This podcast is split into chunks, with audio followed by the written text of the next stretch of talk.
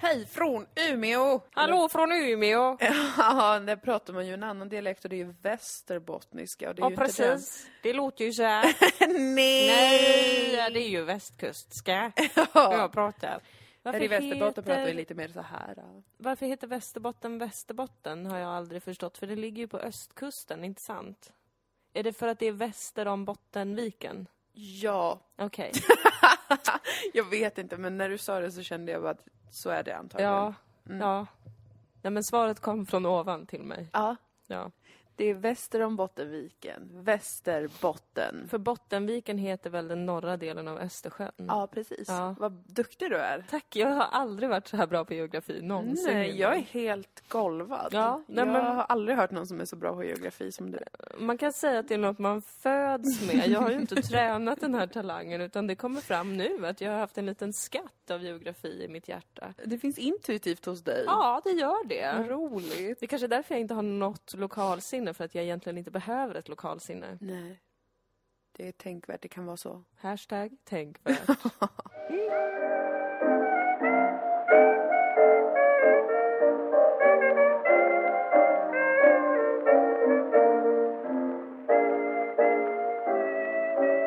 Välkomna till Dilan och Moas podcast. Avsnitt Ni- 94.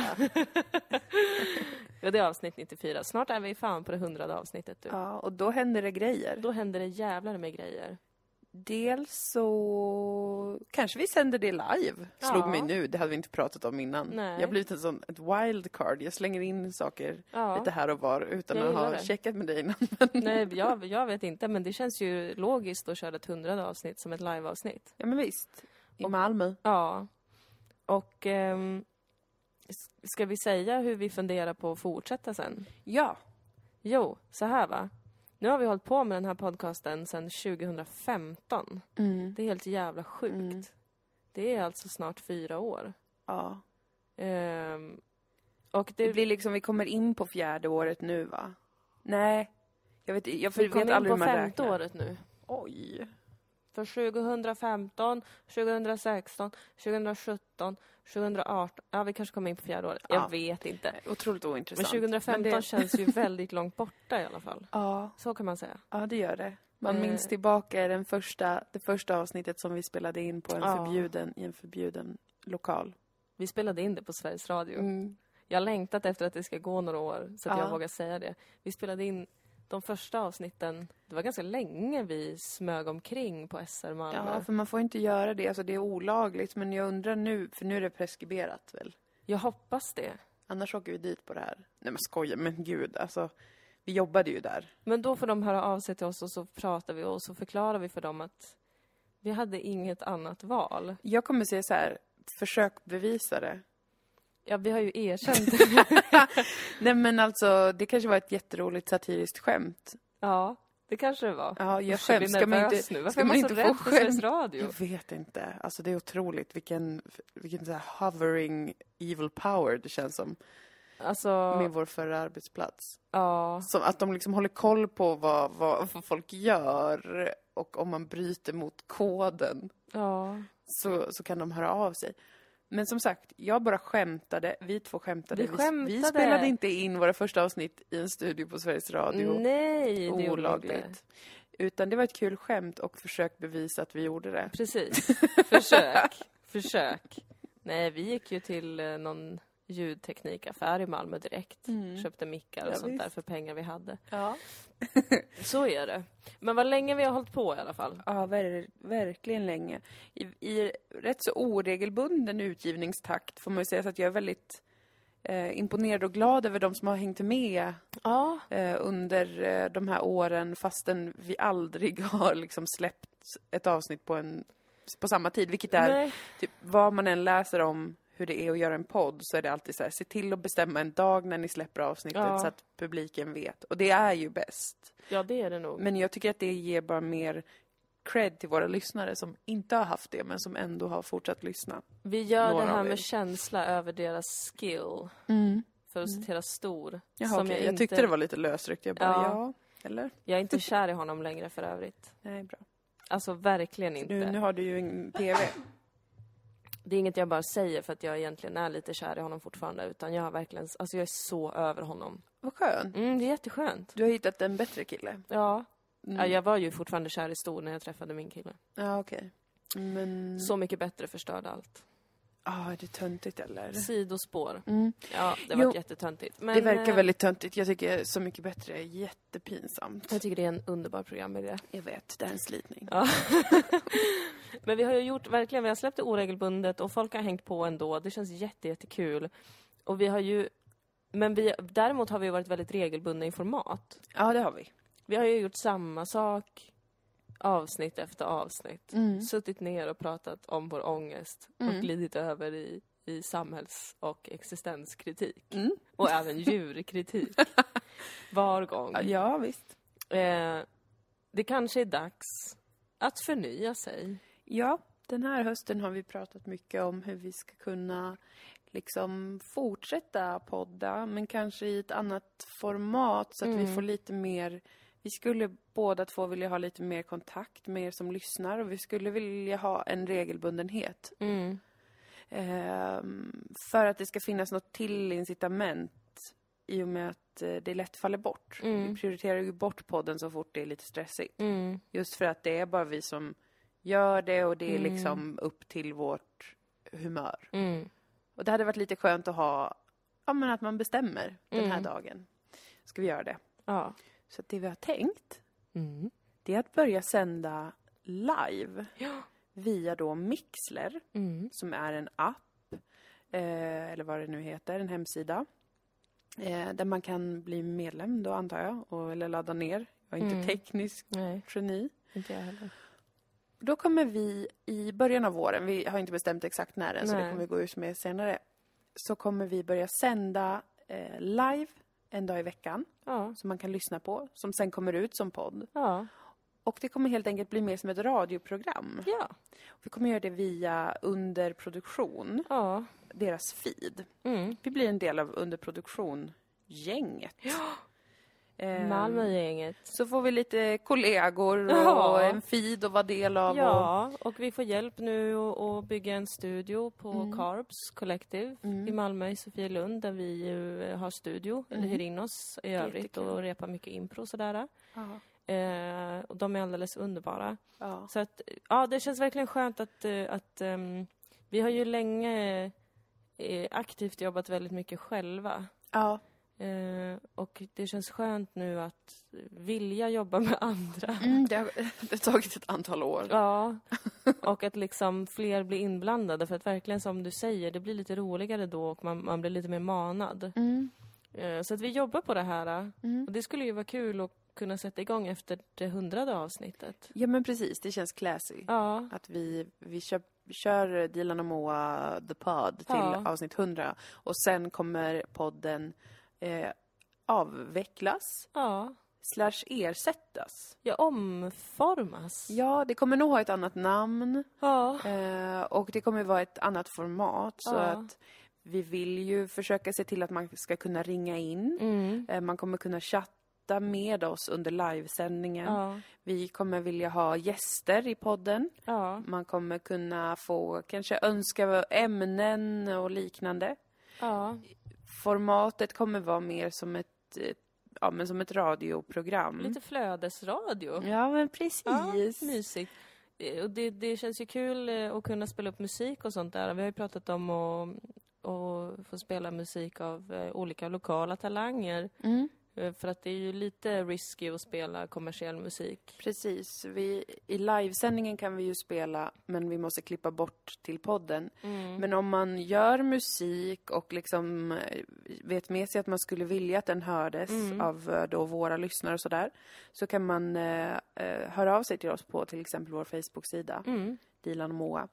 Ehm, så kommer vi plocka in musik i programmet. Ja, Och då om det är musik som man själv då äger rättigheterna till och sådär så kommer vi, behöver vi inte klippa bort det heller i podden. Precis. Så finns det chans att sprida sin Ja. musik. Vi kommer väl eh, sålla där såklart. Vi kommer inte ha så jävla mycket musik. nej, Men man kan börja höra av sig redan nu om man är ett Ja. band eller en precis. Person som gör musik. Eller vet om någon som man tycker om. Och... Ja, och vill promota lite. Ehm, det kanske blir ett litet DIY-mecka. Ja, våran, vårat flödesradioprogram. Det vore en dröm. Det, vore, det, det vill jag verkligen. Ni som lyssnar på oss och dessutom också lyssnar på Ring UP-programmen. Ja. Eh, till exempel Söndagsakuten med Henrik Mattsson som vi har varit med i båda två. Mm. Ni vet ju redan hur det går till. Mm. Eh, det är väldigt mysigt. Och det, det, sk- det skulle vara så jävla kul att få sända lite live-radio igen. Ja, och då kommer vi ju vilja att alla ni som nu lyssnar på Dilan och Moa eh, lyssnar också live. Mm. För vi vill liksom att ni ska... Man får ju göra som man vill såklart, men jag tycker det skulle vara jätteroligt om vi kunde ha en live-stund tillsammans en Mm. gång i veckan. Vi tänker nog att det blir tisdag eller onsdag och på eftermiddagen. Mm. Så att man ska kunna gå hem från sitt jobb eller vad det nu är. Fast Ja. inte för sent. För jag måste Nej, hinna gå på Du går spinning. och lägger dig Och jag går och lägger 19.00 mig. efter spinningen. Men kanske vid, vid tre eller något sånt där. ja, någon gång då vi båda är vakna Mm. och eh, folk har lite tid att lyssna. Precis, mellan 12 på dagen och Ja. 19. någon, någon gång då. Ja. Det kommer ju bli jättemysigt och roligt tror jag. Ja, och vi håller er uppdaterade. Mm. Eh, ni, ni vet väl redan med er hur våra liv ser ut, att allt är lite oberäkneligt. Så Ja. att, eh, vi, vi tar det som det kommer det här. eh. Men eh, vi är jävligt taggade. Mm, och vi har ju liksom vänner som vi vill bjuda in och vi Mm. har eh, kollegor som vi är intresserade av att prata med och Mm. sånt där. Så att det kommer förhoppningsvis kunna bli ganska varierat och Ja.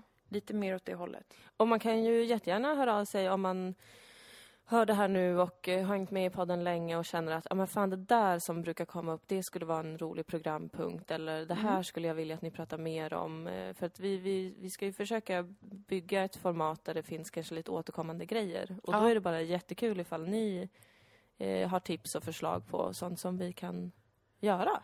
Ja. Så hör av er. Vi finns på Instagram, Dilan och Moa. Vi finns på Facebook, Dilan och Moa. Eh, man kan mejla oss dilan.apak.gmail.com eller lundqvist med qv, moa.gmail.com. Jag bara, du kommer inte ihåg mitt namn. Dilan heter Moa. Hör av er, hör av er, hör av er. Kan ju Eh, säga också att planen eh, lite mer long term är att vi ska kunna också tjäna pengar. Ja, Så att i början kommer det vara helt gratis. Ja. Helt gratis. helt gratis. Sen kommer vi antagligen försöka göra en lösning där man får prenumerera, alltså att det är en betald, eh, Ja. betalt innehåll. Så att livesändningen är alltid gratis, Mm. men själva Själva podden. kanske blir att man får för. Mm. För att vi vill ju kunna leva på att eh, jobba med saker, Precis. helt enkelt. Men Ja, det, kommer längre fram. Ja. Till en början vill vi bara ha med så många som möjligt. Det är som att man ger folk eh, liksom gratis heroin först, så att de sen Exakt. börjar köpa det av en. Vill inte jag kanske jämföra vår podd med att det är lika starkt beroendeframkallande som heroin? Eller det vill skulle jag det? säga att det är. Mm. Jag tror att, eh, att lyssna på våran podd är precis som att ta heroin. Det är en känsla av att krypa tillbaka in i livmodern och vara omfamnad av värme och vätska. Ja. Ja, det tror jag. Ja, men det blir 2019! Ja. Dilan och Moa, heroinet. Ska vi döpa det till det? Jättebra namn. Heroinflödet, Ja. det ska det heta. Ja. Jag vill ju att programmet ska heta Frisurarorden. Ja, just det, den gamla ordvitsen. Som vi tänkte döpa den här podden till från Mm. början. Mm. Det är ett väldigt bra namn. Frisurarorden, det är liksom... Kan det bli vitsigare? Det känns lite som att vi är liksom Morgan och Christer om vi har ett sånt program. Ja. Det känns inte... Jo, lite kanske. Eh, Ja. Man kan skicka in namnförslag till oss Ja. också om man vill det. Som sagt, vi vill ha mer kontakt med er. Det känns kanske lite läskigt, men eh, det har varit sån envägskommunikation att ni hör av er och det älskar vi. Men nu säger vi Ja. att eh, vi vill gärna ha med era tankar och åsikter och sådär mer ja. i det vi ska göra efter årsskiftet. För att vi helt enkelt har eh, jobbat helt själva i fyra år. Ja. Och blivit lätt psykotiska. Nej men det har varit jättebra. Det, jag tycker det har varit skönt att, att jobba själva. Särskilt efter när man kanske kommer från en sån institution som Sveriges Radio till exempel. Att det är så mycket människor inblandat och så. Mm. Så har det varit jätteskönt att få jobba själv. Ja, verkligen. Och verkligen hitta att vi har hittat vårt eget tilltal och vad vi är sugna på och bara liksom bryta ner olika barriärer kring vad man får och inte får göra. Mm. Och nu känns det som att vi har gjort det lite grann. Ja, Och kan, eh, folk fattar lite vad, vad, vad vår grej är och sådär. Mm. Och då kan man få göra den Ja. lite större. ja, men visst. Men då måste man ha hjälp av andra. Det måste man faktiskt. Ja. Och det känns ju så jävla kul att det, att det händer så mycket grejer i Malmö. Det gör det. Alltså att folk gör saker och att vi kan få hjälp. Alltså bara att Carbs kan bygga en studio och att eh, underproduktion finns och pågår och Ja. det är helt underbart. Ja, det, det är underbart att det är så stark kultur av att köra och Mm. göra grejer. Eh, Det, det är det som jag alltid har älskat med Malmö. Mm. Men inte velat vara med i på ganska Mm. länge. För jag har behövt vara själv med dig. Hitta min egen röst. Ja. Ja, precis. Nej, men det blir kul. Det blir Ser kul. fram emot. Ja. Ja. Ja. Ja.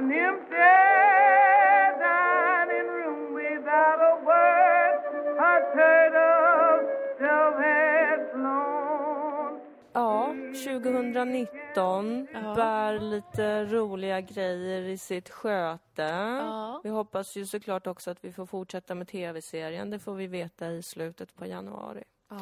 Men 2018 då? ja. Vad var det för år egentligen? Ska vi göra en liten årssummering? år. Du sa ju det att det var det här eh, nummer 11 Ja, som är vårt livsnummer, eller vad det heter, ja, enligt numerologin. ja. Eh, att det var vårt år. Ja, för att 2 plus 0 plus 1 plus 8 blir 11. Just det. Och det har ju verkligen varit vårt år. Mm, det har det. Det får man väl ändå säga. Jag går in i min kalender nu Ja. eh, för att eh, för att kolla, nu ska vi se, visa eh, år. Nu ska vi se vad som har hänt egentligen. Mm. Vi har ju gjort så sinnessjukt jävla mycket det här året. Mm. Vi har ju släppt en tv-serie, det var ju kanske det största. Det var verkligen stort. Vi fick sitta och skriva manus. Jag minns liksom inte att vi någonsin skrev, men vi har ju gjort det. Alltså vi har ju Ja, eh, skrivit eh, alltså sex avsnitt. ja. Men jag minns, när fan skrev vi? ja, vi skrev ju typ januari, Ja. februari kanske. Vi började skriva redan i december tror jag, ja. 2017. Så, så var det som att vi skrev så här på lite olika tider och sen bollade, tog, Ja. skickade vi dem fram och tillbaka till varandra och fyllde på och sånt där. Ja, jag minns det som en, en drömtid i mitt liv för att jag fick vara eh, drömbilden av mig själv. Ja, Alltså att jag liksom får olika snilleblixtar mitt i natten. ja just Jag sätter mig och skriver Mm. och så har det gått en och en halv timme. Mm. Bara, Oj, klockan är två på natten. Ja, Hoppsan. så jävla coolt. Sova. Vakna. Gå runt. Tänk att jag kan ingenting. Ja, Sen mitt i natten. Snilleblixt. ja. Det är sexigt tycker jag. ja, det är ganska sexigt faktiskt. Jag gick upp klockan åtta och satt mig och skrev. Men det var ju roligt det för att det var liksom eh, att få ett, man, ett nytt utkast från dig där du har skrivit massa scener Mm. och sen få bygga på det Ja. och sen skicka tillbaka. Så det är som en sån när man ritar en gubbe där man viker Ja, pappret. Och eh, det gjorde ju att jag minns som att det var inget jobbigt med manusprocessen. Det var att vi ändrade ordningen minns jag var jobbigt. Att vi var Ja, det var tvungna att, att ändra ordningen så att kronologin var tvungen att skrivas om. Och jag minns även att avsnitt två då, som nu heter Vänner, Ja. som jag är väldigt nöjd med. Men det var ett avsnitt som jag minns att vi hade svårt med. Ja, vi harvade på där. Jag minns inte varför, men det var något som var... Jag tror att det var det som var minst underbyggt från början. Ja, Det avsnittet. precis. Just för att också det påverkades av att vi kastade om ordningen där. Ja, det var det.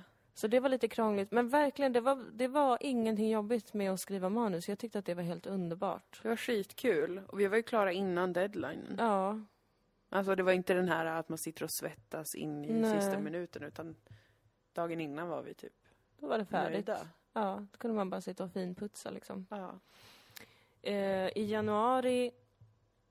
Jag kommer gå igenom det här kronologiskt. ja, I januari satt vi ju och skrev manus. Vi jobbade också på Tankesmedjan då. var det detta året? Ja, Åh herregud, det hade jag ingen aning om. det är jättemärkligt. Vi jobbade på Tankesmedjan, vi skrev manus för tv-serien. Och vad mer hände i januari? Jo, vi fick en liten hund. Ja! Bessie Elliot kom in i våra liv i slutet 27. på januari. Mm. Wow. Det var underbart. Jag minns att jag var blåslagen Ja, i många månader ja, efter att hon kom. För att hon är ju en ganska, eller hon var en ganska stor valp. ja, väldigt stor. valp. Så hennes bitperiod var... Den var Jag såg mycket intens. misshandlad ut.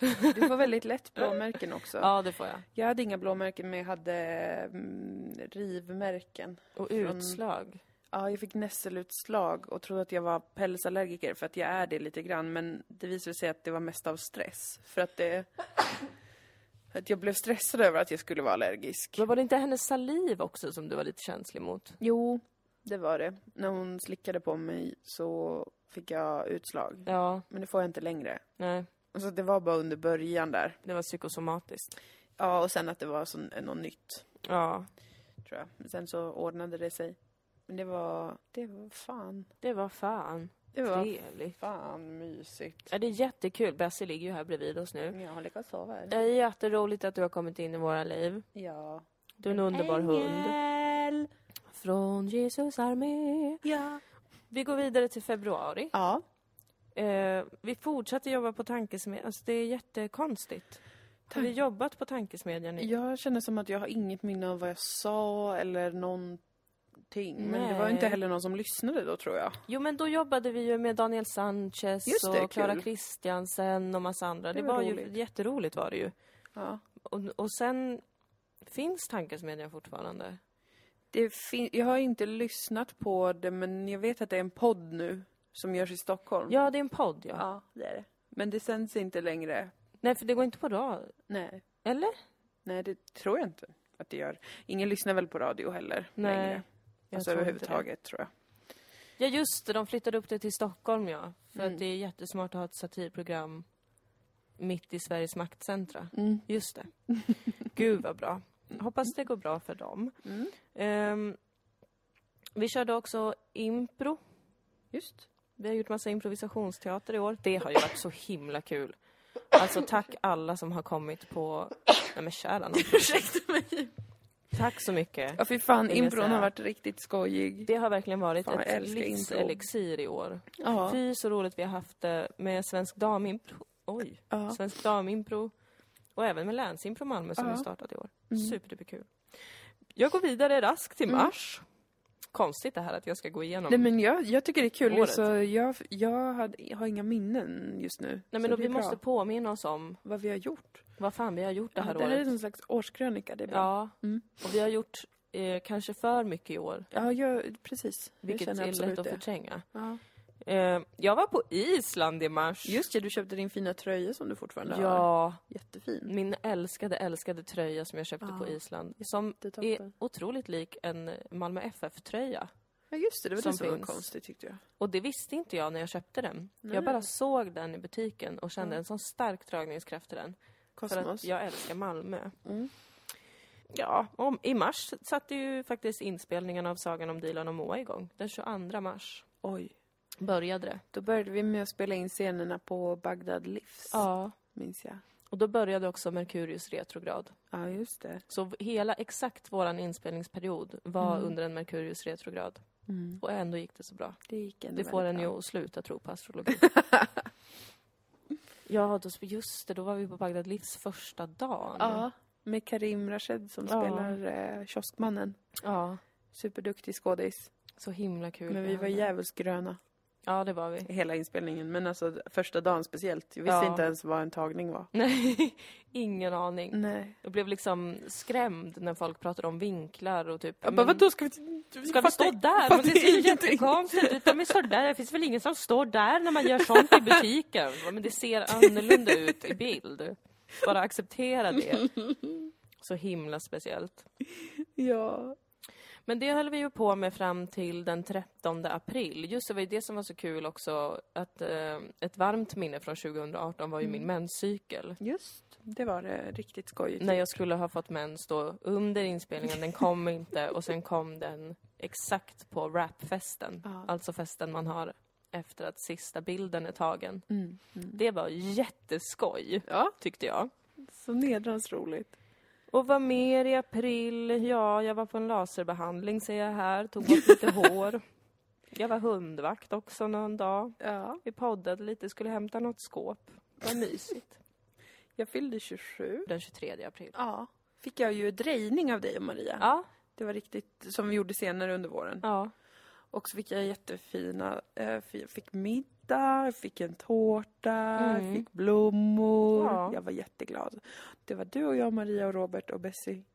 Ja, det var riktigt mysigt. Mm, det var jättemysigt. Urtrevligt var det. Och du fyllde 27. Ja. En stark ålder. Ja, en rikt, en ålder där eh, övergången känns extra tydlig. Ja. Från ung vuxen till vuxen. För att man inte räknas som... Man börjar Ungdom närma sig längre. 30 mer än, Ja. alltså det är man ju redan vid 26. Men ja. det är något med det. Det är något med 27 faktiskt. Ja, det håller jag med det. dig om. Jag har ju blivit förlovad, skaffat hund, köpt lantställe eh, under det här året. Och jag har sålt en lägenhet det här året också. Ja, just det. Jag sålde min bostadsrätt. Ja. För att jag flyttade ihop med dig och Maria. Men det var ju... Det var året Just det, det innan. var året innan. Men jag hyrde ut den Just det. som en riktig hemmansägare. Ja. Då går vi vidare till maj. Mm. Vi var i Umeå var vi, på Umeå humorfestival. Just det, impro. Jag hade en cellprovtagning. Mm. Jag var på en dejt. Oj.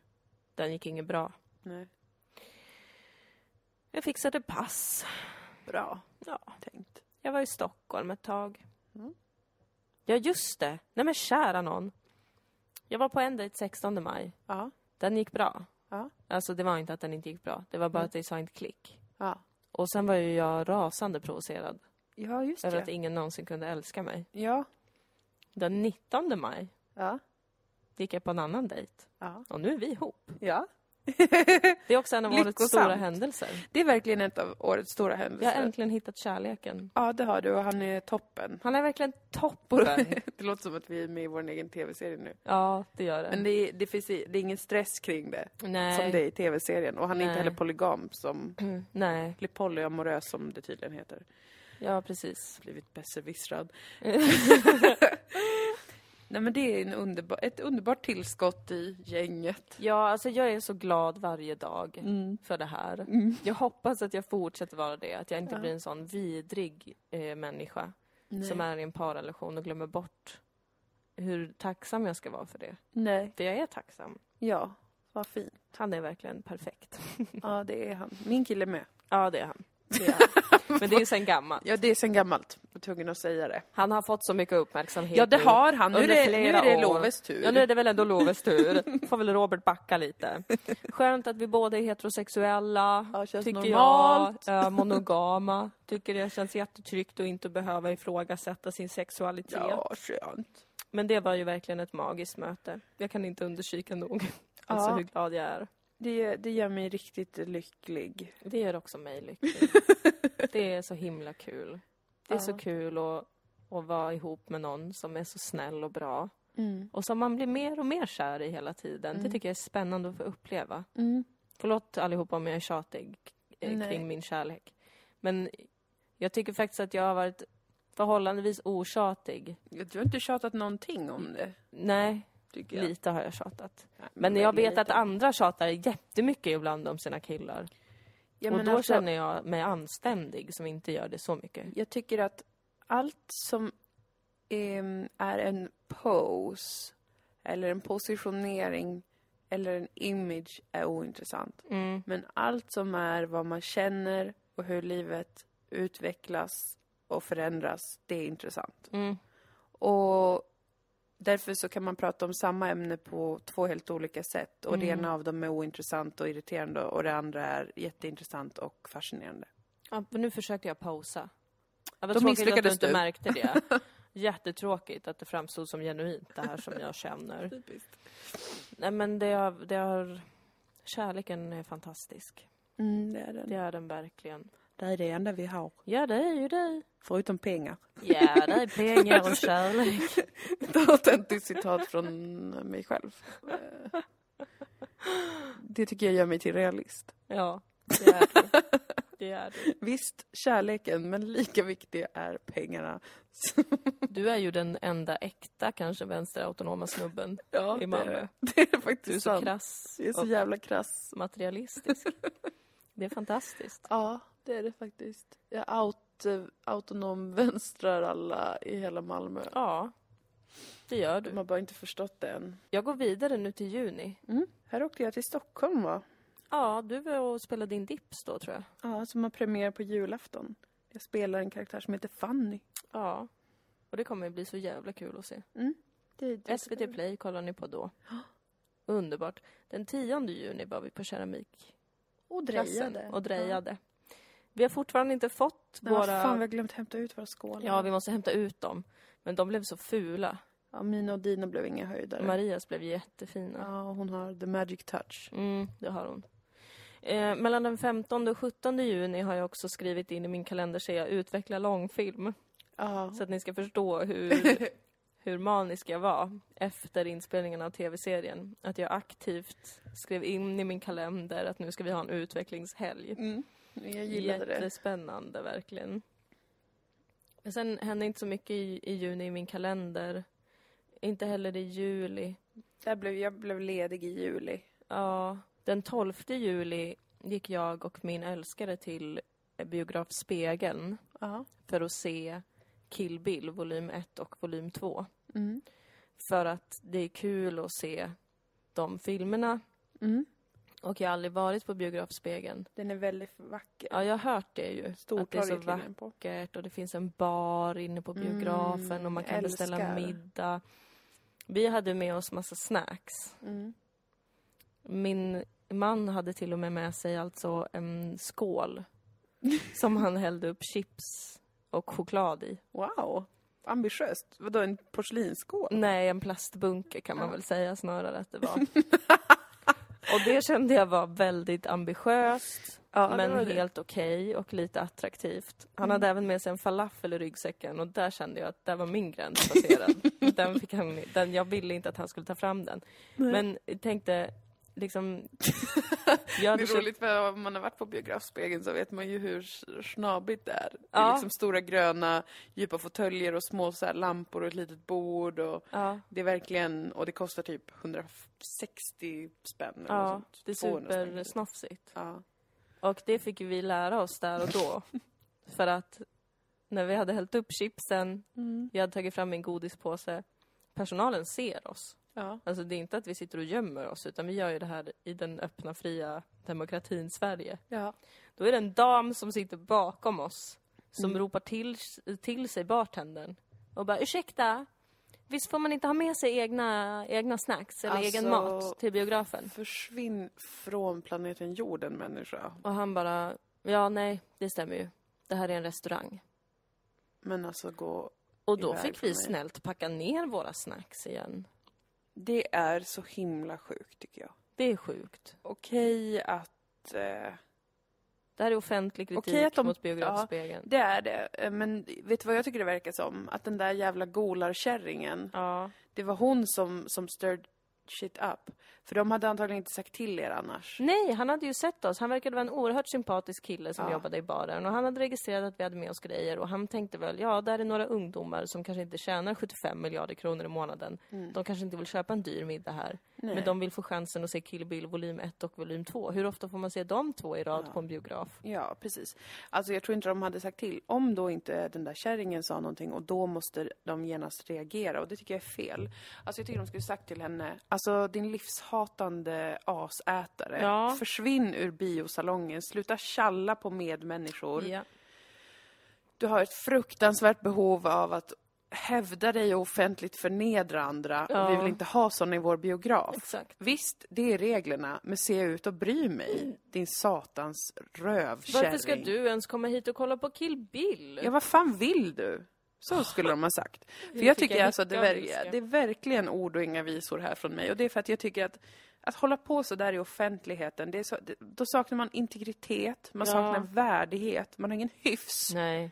Det hade varit en sak om ni satt och prasslade jättehögt eh, och, och typ dukade upp en egen buffé.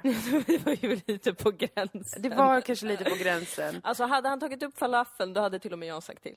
Ja, Och det sa jag till honom också. ja. Jo, men då kanske det är för att det är mat liksom. Men chips och godis. Ja, nej, det, det jag tycker det är jätte, jättesjukt gjort. det är jättetråkigt gjort av den kvinnan.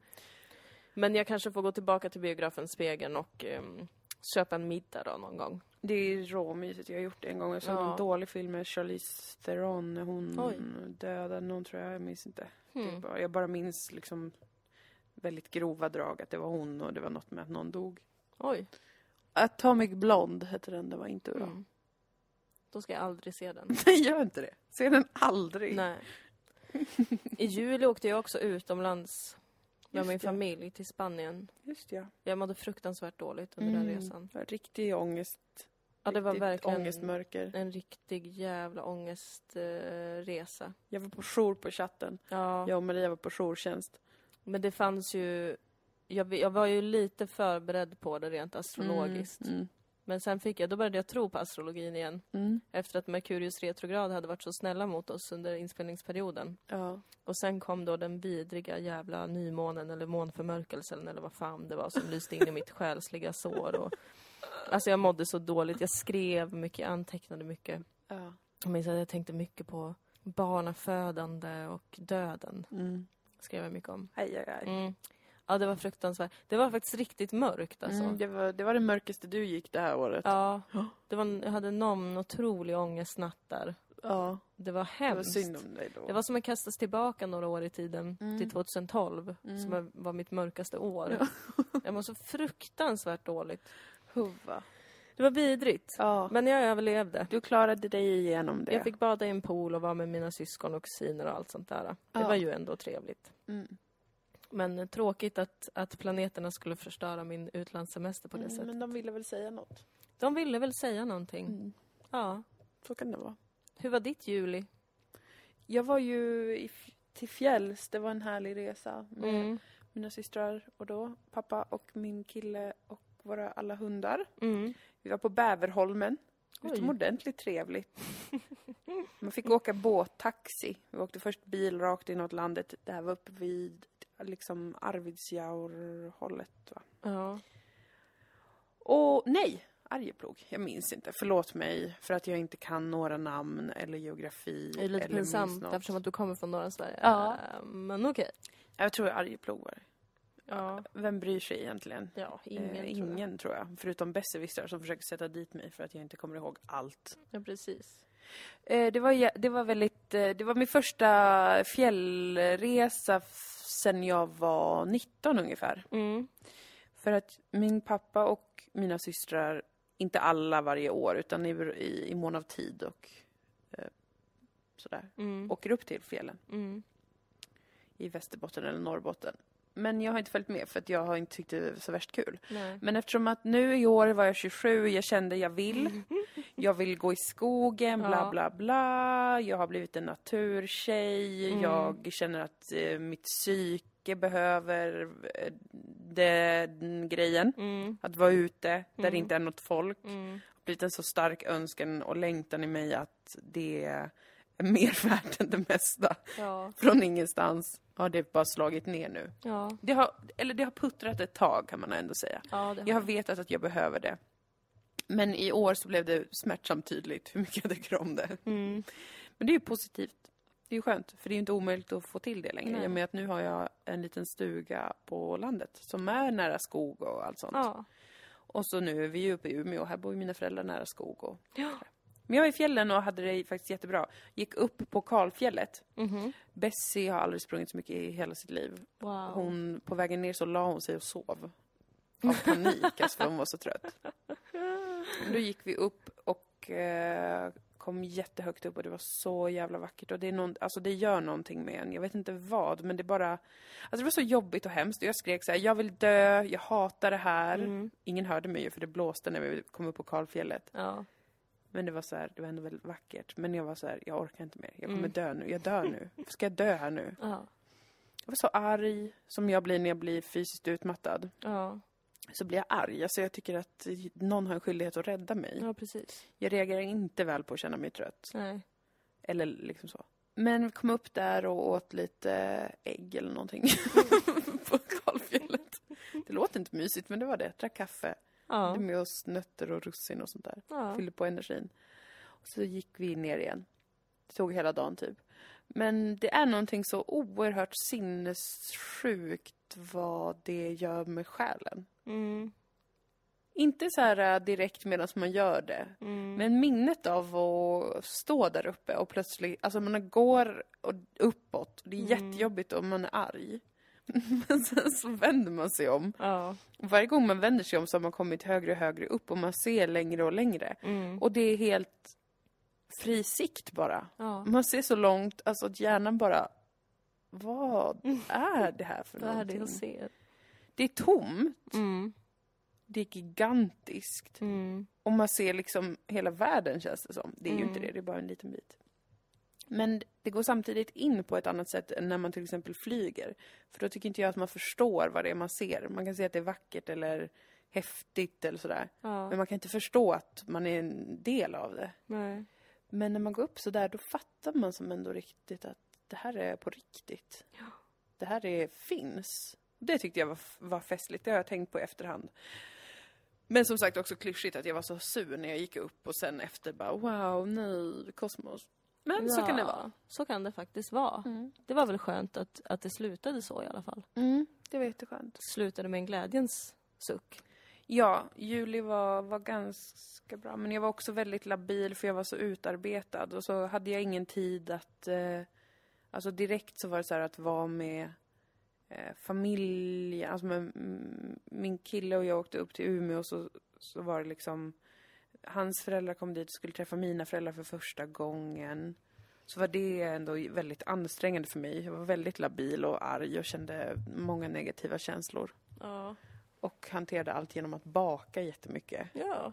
Men jag var aldrig lugn. Nej. Jag kände aldrig att jag fick vara, var liksom lugn. Nej men det är väl en anspänning att eh, låta familjer mötas till exempel. Mm, det var det. Men som det inte var... är så lätt att hantera när man också är utarbetad precis innan och kanske vill ha ledigt i Exakt. hjärnan. Exakt. Jag fick som aldrig ledigt, eller jag lyckades aldrig ge mig själv eh, ledigt under hela Nej. sommaren fastän jag var ledig i fyra veckor eller vad det var. Fem. Ja.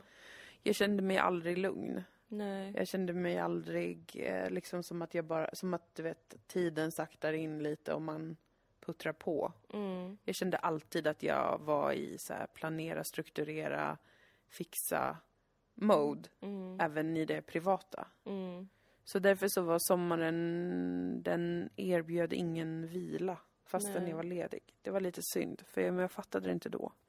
Förrän jag kom hem igen. Alltså jag var så, här, så himla manisk typ, alltså att jag bara behövde göra saker hela tiden. Ja, du kom in i en stark syperiod. började sy väldigt mycket, bakade jättemycket. Det var i och för sig väldigt kul, men du vet, det var något så här... Eh, som en avtändning, tror jag. Mm. Jag hade behövt efter det, Mm. så hade jag behövt typ en månad av att inte jobba och inte hålla på. Ja.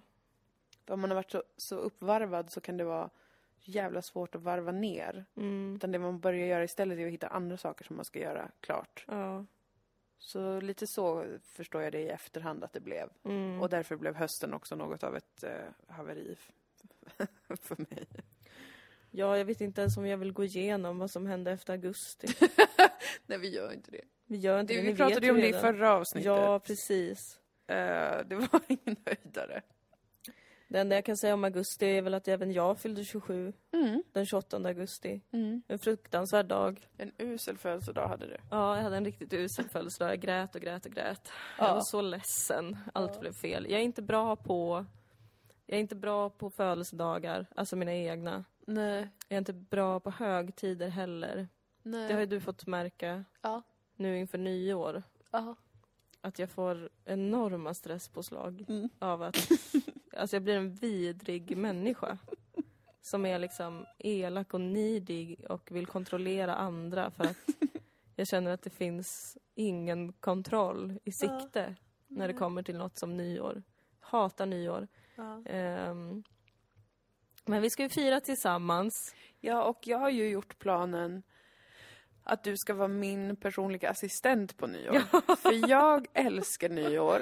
Eh, förutom... Eh, jo, det är nog faktiskt min absoluta favorit. nyår. Mm. För att eh, jag har haft många bra nyår. Och jag älskar att vara sentimental. Ja. Gärna tillsammans med andra. Ja.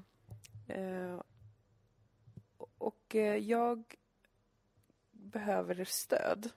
för Ja. att jag inte ska bli liksom eh, alldeles för fixerad vid hur man ska styra upp det och sådär. Känna Mm. för mycket ansvar över allt sånt. Mm. För det är något som potentiellt skulle kunna ta glädjen ur det, Mm. för min del. Men därför så får du vara min personliga assistent och tänka att du är där för att hjälpa mig må bra. Ja.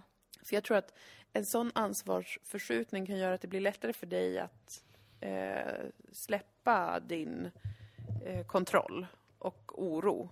ja, för jag vet inte riktigt vad det är som gör mig så upprörd kring nyår. Nej.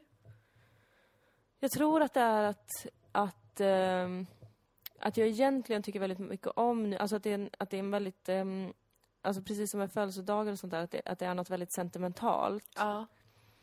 Och ehm, då vill jag att, att jag ska ha vissa personer omkring mig och allt ska vara på ett visst sätt. Mm. Och bli väldigt egocentrisk. Och glömma bort att eh, andra människor har ett eget liv Mm. och egna önskemål. och så känner jag mig ensam Mm. i kosmos. Precis. Fastän och ingenting har hänt. Nej, men precis. Så det är det jag tänker att för att und eller komma runt, inte undvika, utan komma runt den känslan så tänker jag mig att då kan ett, ett fokus och ansvarsförskjutning vara bra Mm. för att du ska slippa ha det fokuset på dig själv och vad du känner för det kommer kanske bara trigga ännu mer stress Ja. hos dig. Jag tror det. Så då kan du bara tänka så här, vad gör Moa?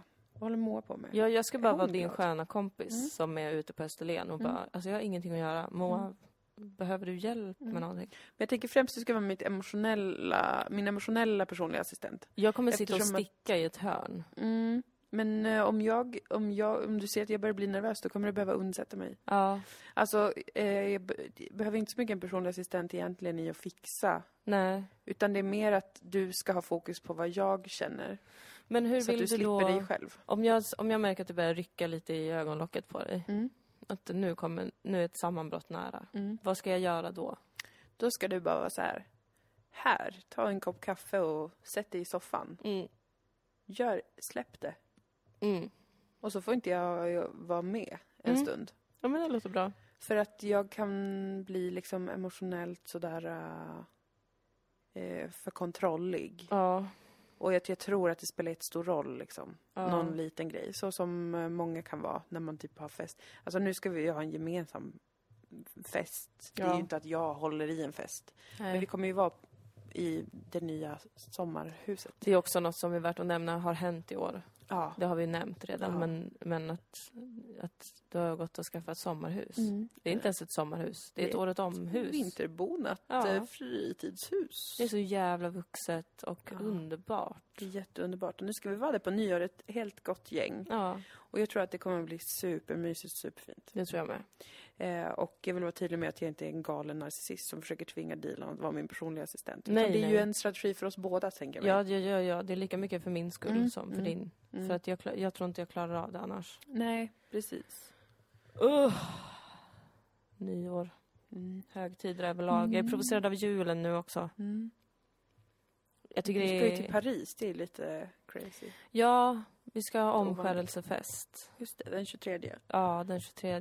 För min lillebror och vår franska kusin som båda har blivit omskurna. Och det firar man med en stor fest. Ja, lite special. Eh, för att det är inte traumatiskt på samma sätt som en kvinnlig omskärelse. Nej, det får man väl ändå vara Vilket vi med. heller inte har inom vår kultur, vill jag vara väldigt tydlig med. Skönt, tycker jag. Men den manliga omskärelsen är någonting kul och eh, värt att fira. Det gör man ju i många olika kulturer och av olika skäl. Ja, det är jävla många som Alla vill förhuden bort på. förhuden. Ja. Men inte, inte i Sverige. Nej, i Sverige är det väl ganska så ovanligt ändå. Här är det ju nästan lite tabu med Ja, omskärelse. ja visst är det så lite. Många som blir upprörda över det. Ja. Jag är väl lite sådär mittemellan. Ja. Jag med. Alltså jag känner så här, jag vet inte vad det riktigt, alltså. Va, Är det nödvändigt ens? Ja, kanske det. Ja. Ibland måste man väl. Om det är för trångt, så att Ja, säga. precis. Vissa måste ju göra det av medicinska skäl, Ja. vet jag ju. Men Men det är en debatt som jag har, har helt släppt.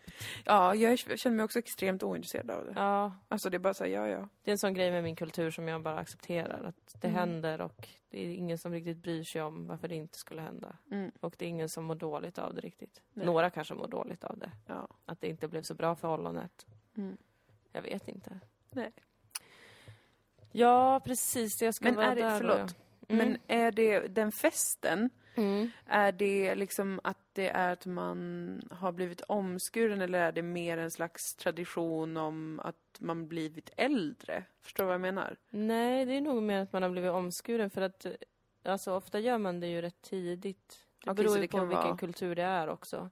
Men i Kurdistan, som jag har förstått det, eller som jag upplevt det, så kan det variera ganska mycket i ålder. Okej, så att vissa gör det, ja, vissa är ju typ 5-6 år när de gör det. Mm. Eh, vissa är 15-16 istället när de gör det. Mm. Så att det är mer bara något som ska göras och sen firar man att eh, omskärelsen har skett. Ja, jag fattar. Det är inte så här att nu har du blivit vuxen. Men det jag tycker det är spännande också med min kultur. Att liksom, det är inte som att så här, sex och samlevnad är något man direkt pratar om. Nej. Och ändå ska man fira att någon har gjort något med penis. ja, det är lite ekivokt. Det är jättespännande. Jag ska försöka undersöka lite mer kring den här traditionen. För den, Ja. är, ju, den är ju inte enbart kurdisk heller. Det är ju inte, alla kurder har ju inte en stor fest heller när man har Nej. blivit omskuren. För många är det bara något man gör och sen är det klart. Ja. Mm. Men jag har ju varit på omskärelsefester som har varit... Alltså det är som ett bröllop. Typ. och det är så jävla mycket folk. Det kommer vara så jävla mycket folk nu också. Kul. Och de får sitta på en tron och ha Oj. någon hatt och en käpp. Och man får presenter och... Jävlar vad fett. Ja. När min ena kusin eh, i Sverige hade omskärelsefest för en herrans massa år sedan, då kom det dit en trollkarl minns jag. What? Ja. Det var roligt. Satan vad kul. Mm, jättekul. Jag undrar vad som ska hända i Paris. Ja. Men det blir roligt. ja, det kommer det bli. Ja, jag kommer få träffa mina kusiner och massa, alltså jag har ju så jävla mycket släktingar som jag aldrig har träffat också som bor i Frankrike. Lite mer avlägsna släktingar sådär. Så det ska också bli kul att få en överblick Mm. eh, av min släkt i Europa. Mm. För jag har ju annars bara totalt tre släktingar utanför min närmsta familj i Sverige. Eller har jag fler? Nej. Just det, men sen är det Tyskland och Frankrike. Ja, Tyskland och Frankrike och Turkiet och Kurdistan. Mm. Där är resten. Sen är det väl någon avlägsen någonstans i kanske Kanada eller USA eller något. Det finns Mm. mycket kurder där också. Mm. Tänkt mycket på Kurdistan i år också. Mm. Det har varit krisigt. Ja, det blir, det blir allt mer jobbigt att inte våga åka dit. Det förstår jag. Jag tycker det känns jättekonstigt och inte...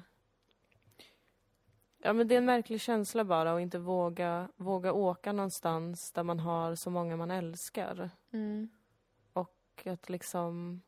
Jag är ju heller inte så pass bra på kurdiska att jag kan ha en sån vardagsdistanskontakt med dem. Nej. Det är svårt att liksom chatta på WhatsApp eller ta upp telefonen och ringa och kolla läget för att min kurdiska är så basic liksom. Mm.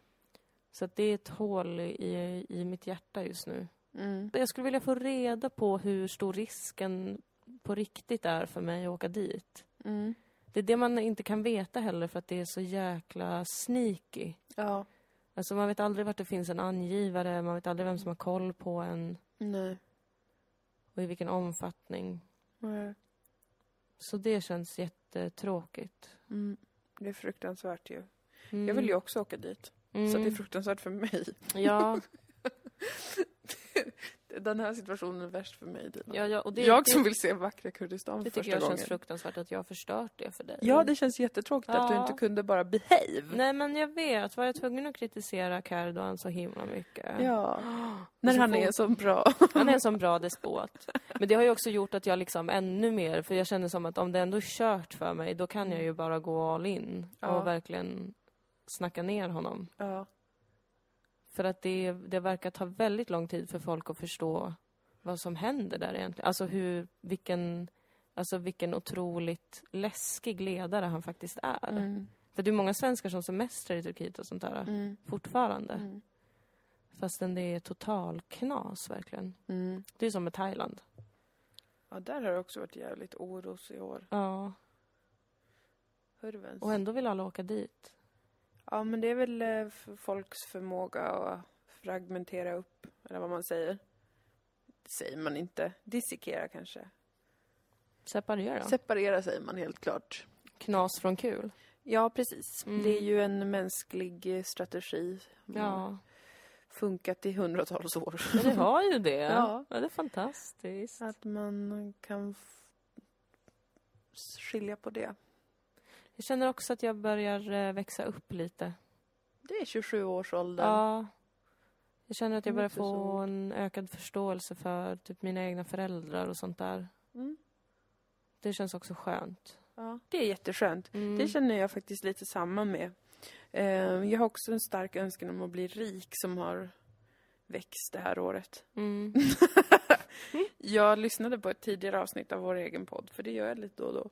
Pratade jag ju om hur jag aldrig ska tjäna mer än 20 000 efter skatt. Ja, det minns ska jag jag. ge bort dem eller något sånt. För Ja. att det är bara dumheter att man skulle kunna behöva mer än så. Ja, Jag håller med mig själv om det. ja.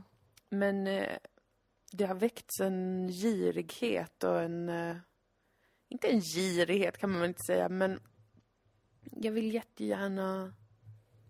Eh, jag har höjt kan man säga till 30 000 efter skatt. Vill jag ha. ja. Och så vill jag ha liksom säkerhet. Men det här är ju typiskt att jag liksom bara vill att saker ska vara solida. Mm. Det är mycket därför jag vill vara rik. Mm. Alltså jag vill vara så rik att jag vet att jag kan ha samma hem hela tiden. Mm. Jag skulle vilja betala av hela det här lånet nu på det här Mm. huset på Österlen. Mm. Bara så att jag äger. Mm. Jag skulle vilja, eh, ja men jag vill ha sådär för stabilitet. Mm. Inte så jättemycket att jag liksom vill leva i flärd, men jag skulle verkligen bara vilja äga bostaden och bostäder, ha saker huggna i sten. Mm. Så att det har hänt mig en del av vad växa upp. Jag har ju varit ganska rik det här året för jag har jobbat så mycket. Så jag har varit Ja. rikare än någonsin innan. Jag tror jag har tjänat kanske 700 000 detta år. Mm. Vilket för mig är alltså hysteriskt mycket. Mm. Första året så tjänade jag kanske 100 000. Mm. Alltså detta är innan man drar av skatt, vill jag Ja, vara precis. väldigt tydlig med. Annars hade det varit Det är vad du har dragit in, så att säga. min omsättning Ja. i företaget. Ja. Så att det, det här året så var det faktiskt väldigt mycket pengar. Jag tror att jag har dragit in okej mycket pengar. Men jag har hela året haft en känsla av att jag inte... Att jag har dragit in tok lite pengar. Det har ju också präglat mig det här året. Att jag har Mm. varit... Hela tiden haft en känsla av att jag gör för lite och jag tjänar för lite. Ja. Förrädiskt är det. Ja, det är det. För det har du ju inte. Nej. Men jag har väldigt lätt för att bli stressad över pengar. Ja. Samtidigt som jag inte vill ha så mycket pengar för att då liksom gör man mer och mer grejer och får mer och mer ansvar känns det som. Mm, precis, man ökar ju sina liksom, krav på hur ett normalt liv ska vara. Det, är Ja. det, det är därför jag tror att det är en bra strategi att inte vilja tjäna mer efter någon viss gräns. Ja. Men som sagt, nu så har jag känt att min gräns har flyttats upp för att jag vill inte vara belånad. Mm. Och jag skulle vilja ha liksom, eh, ja, råd med att resa ändå och sånt. Mm. Lite mer. Mm. Ja men precis, att en, att en bokning av en resa inte gör att man behöver leva lite knapert sen några månader. Nej, precis. Det skulle vara skönt. Mm. Ja, jag, jag, jag har också känt mycket att jag inte... Jag har varit orolig över att jag vill så lite saker i livet. Mm. Att jag är så ointresserad av eh, att... Eh, ja men typ bilda familj vill jag fortfarande inte Nej. på det sättet. Jag vill inte ha ett sommarhus har jag också tänkt på. Mm. När ni skaffade sommarhus så var jag så här, är det något jag borde vilja? Mm. Varför vill jag inte? Varför är jag så ointresserad av sånt? Varför vill jag inte utöka mitt liv? Mhm. Men det tror jag är för att jag faktiskt redan har ett så himla rikt liv. Mm. Jag vill nog inte addera någonting mer än det jag Nej. redan har. Det är ju jätteskönt. Ja, det är ganska skönt. Men det är en sån liten vuxenstress, tror jag. Ja, det är Att det. den börjar komma nu. Ja. Att det är liksom... eh, fler och fler förväntningar på vad, vilka, vilka vägar man ska ta nu. Ja, så är det. Jag tror det är därför jag börjat eh, se fram emot eh, också att ta svamp. Ja, Alltså magic mushrooms eller LSD är ja jag det också har vi lite pratat intresserad om av. på sistone. Jag har varit väldigt, läst väldigt mycket om psilocybin och sådär. Ja, Jag tror det är för att jag har uppfyllt väldigt mycket eh, av de förväntningarna på vad man gör i vår ålder. ja, För att jag har velat. Jag ville Ja. jättegärna skaffa hund, trivs jättebra med det. Jag ville jättegärna ha ett ställe utanför, eller på landet. ja, Skaff, lyckades få fixa det ja. tack vare min kille. Ja men eh, vill vara monogam för resten av mitt liv med en kille. Blev förlovad till. ja. Fixade Men du det. förlovade dig i år Ja. Så det är ju det är ju sådana vuxenpoäng bara eh, hur mycket som helst. Men jag har ju Ja. verkligen velat det. Men eh, nu har jag också andra viljor. Som till exempel är att eh, bli mer eh, spirituell och eh, ta svamp. Mm. Eh, jag är intresserad av för att jag vill se om det skulle kunna hjälpa min oro och ångest och sådär. Mm. Alltså jag vill inte ta det som en festdrog eller på en fest på något sätt. Utan jag Nej. vill ta det i, i liksom terapeutiskt syfte och sånt. Och så är jag intresserad av att resa. Mm. Inte på något sånt hippie-sätt. Mest bara för att jag vill bara se andra saker med mina Ja. egna ögon. Jag börjar känna mig sugen på att åka till Lofoten igen. Jag med! Då gör vi det nästa sommar. Ja, det gör vi. Vad bra. Gud, det är exakt sån resa. Mm. Åka tåg i 40 timmar typ. Ja, komma ut i naturen och vara isolerad. Mm. Mm. Och se alla bergen och havet. Det är så coolt. Alltså jag kan så fortfarande inte ta in allt som har hänt i år. Nej, Det är jättemycket som har hänt i år. det är superduper mycket. Alltså det är för mycket. det är Jag känner det. att jag måste vara ledig nu bara för att förstå, alltså låta det landa. Ja. Hur jävla mycket som har hänt. Jag vet, jag håller med. Alltså allt jag har önskat mig har jag fått. Mm. Det är märkligt. Mm. Alltså när jag var typ 18, det här tror jag att jag har berättat för dig. Mm. Att jag och min bästa vän Corinne, hon berättade för mig att man ska, man ska skriva ner på en lapp Mm. tre saker som man vill ha inom en viss tid. Mm. Lite så the secret style. Ja. Och då skrev jag, jag vill ha en lägenhet i stan. Mm. Och då skrev jag medvetet bara i stan, alltså centralt, inte i vilken Mm. stad. För att jag visste inte om jag skulle vara kvar i Stockholm. Nej. Jag vill eh, bli älskad Mm. och älska villkorslöst. Oj, vilken mogen 18-åring. Jag hade typ skrivit jag vill ha poppers. Jag skojar, jag vet inte ens Det vad var, hade ju en romantisk underton, Ja, den, ja. det som jag skrev.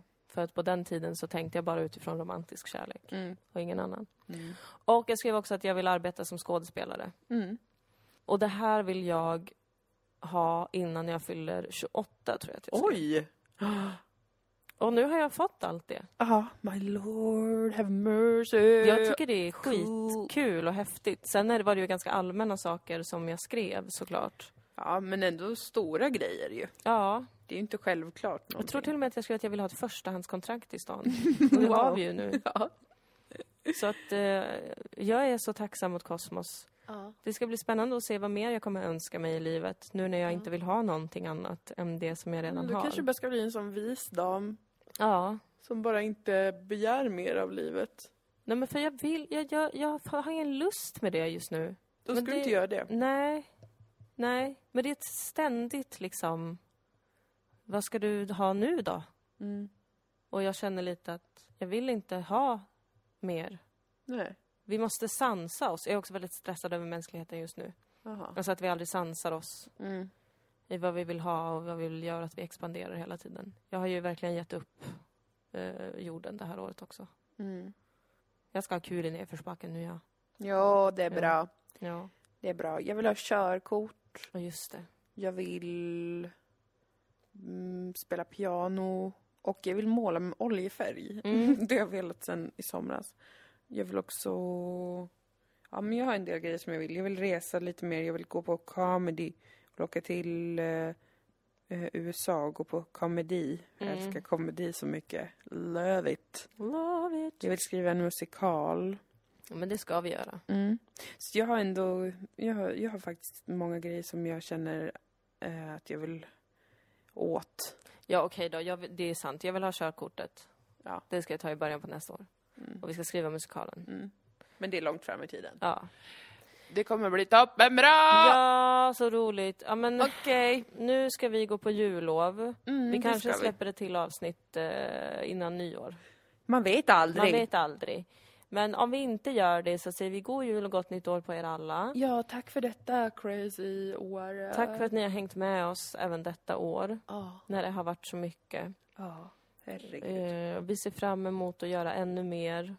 Men vi ska också vara noga att inte göra för mycket. Vi ska försöka hitta en strategi som får hjärnan att förstå hur mycket man gör. Mm, Och eh, landa i det. mm. Det ska vi faktiskt hitta. Mm. Det är en bra idé.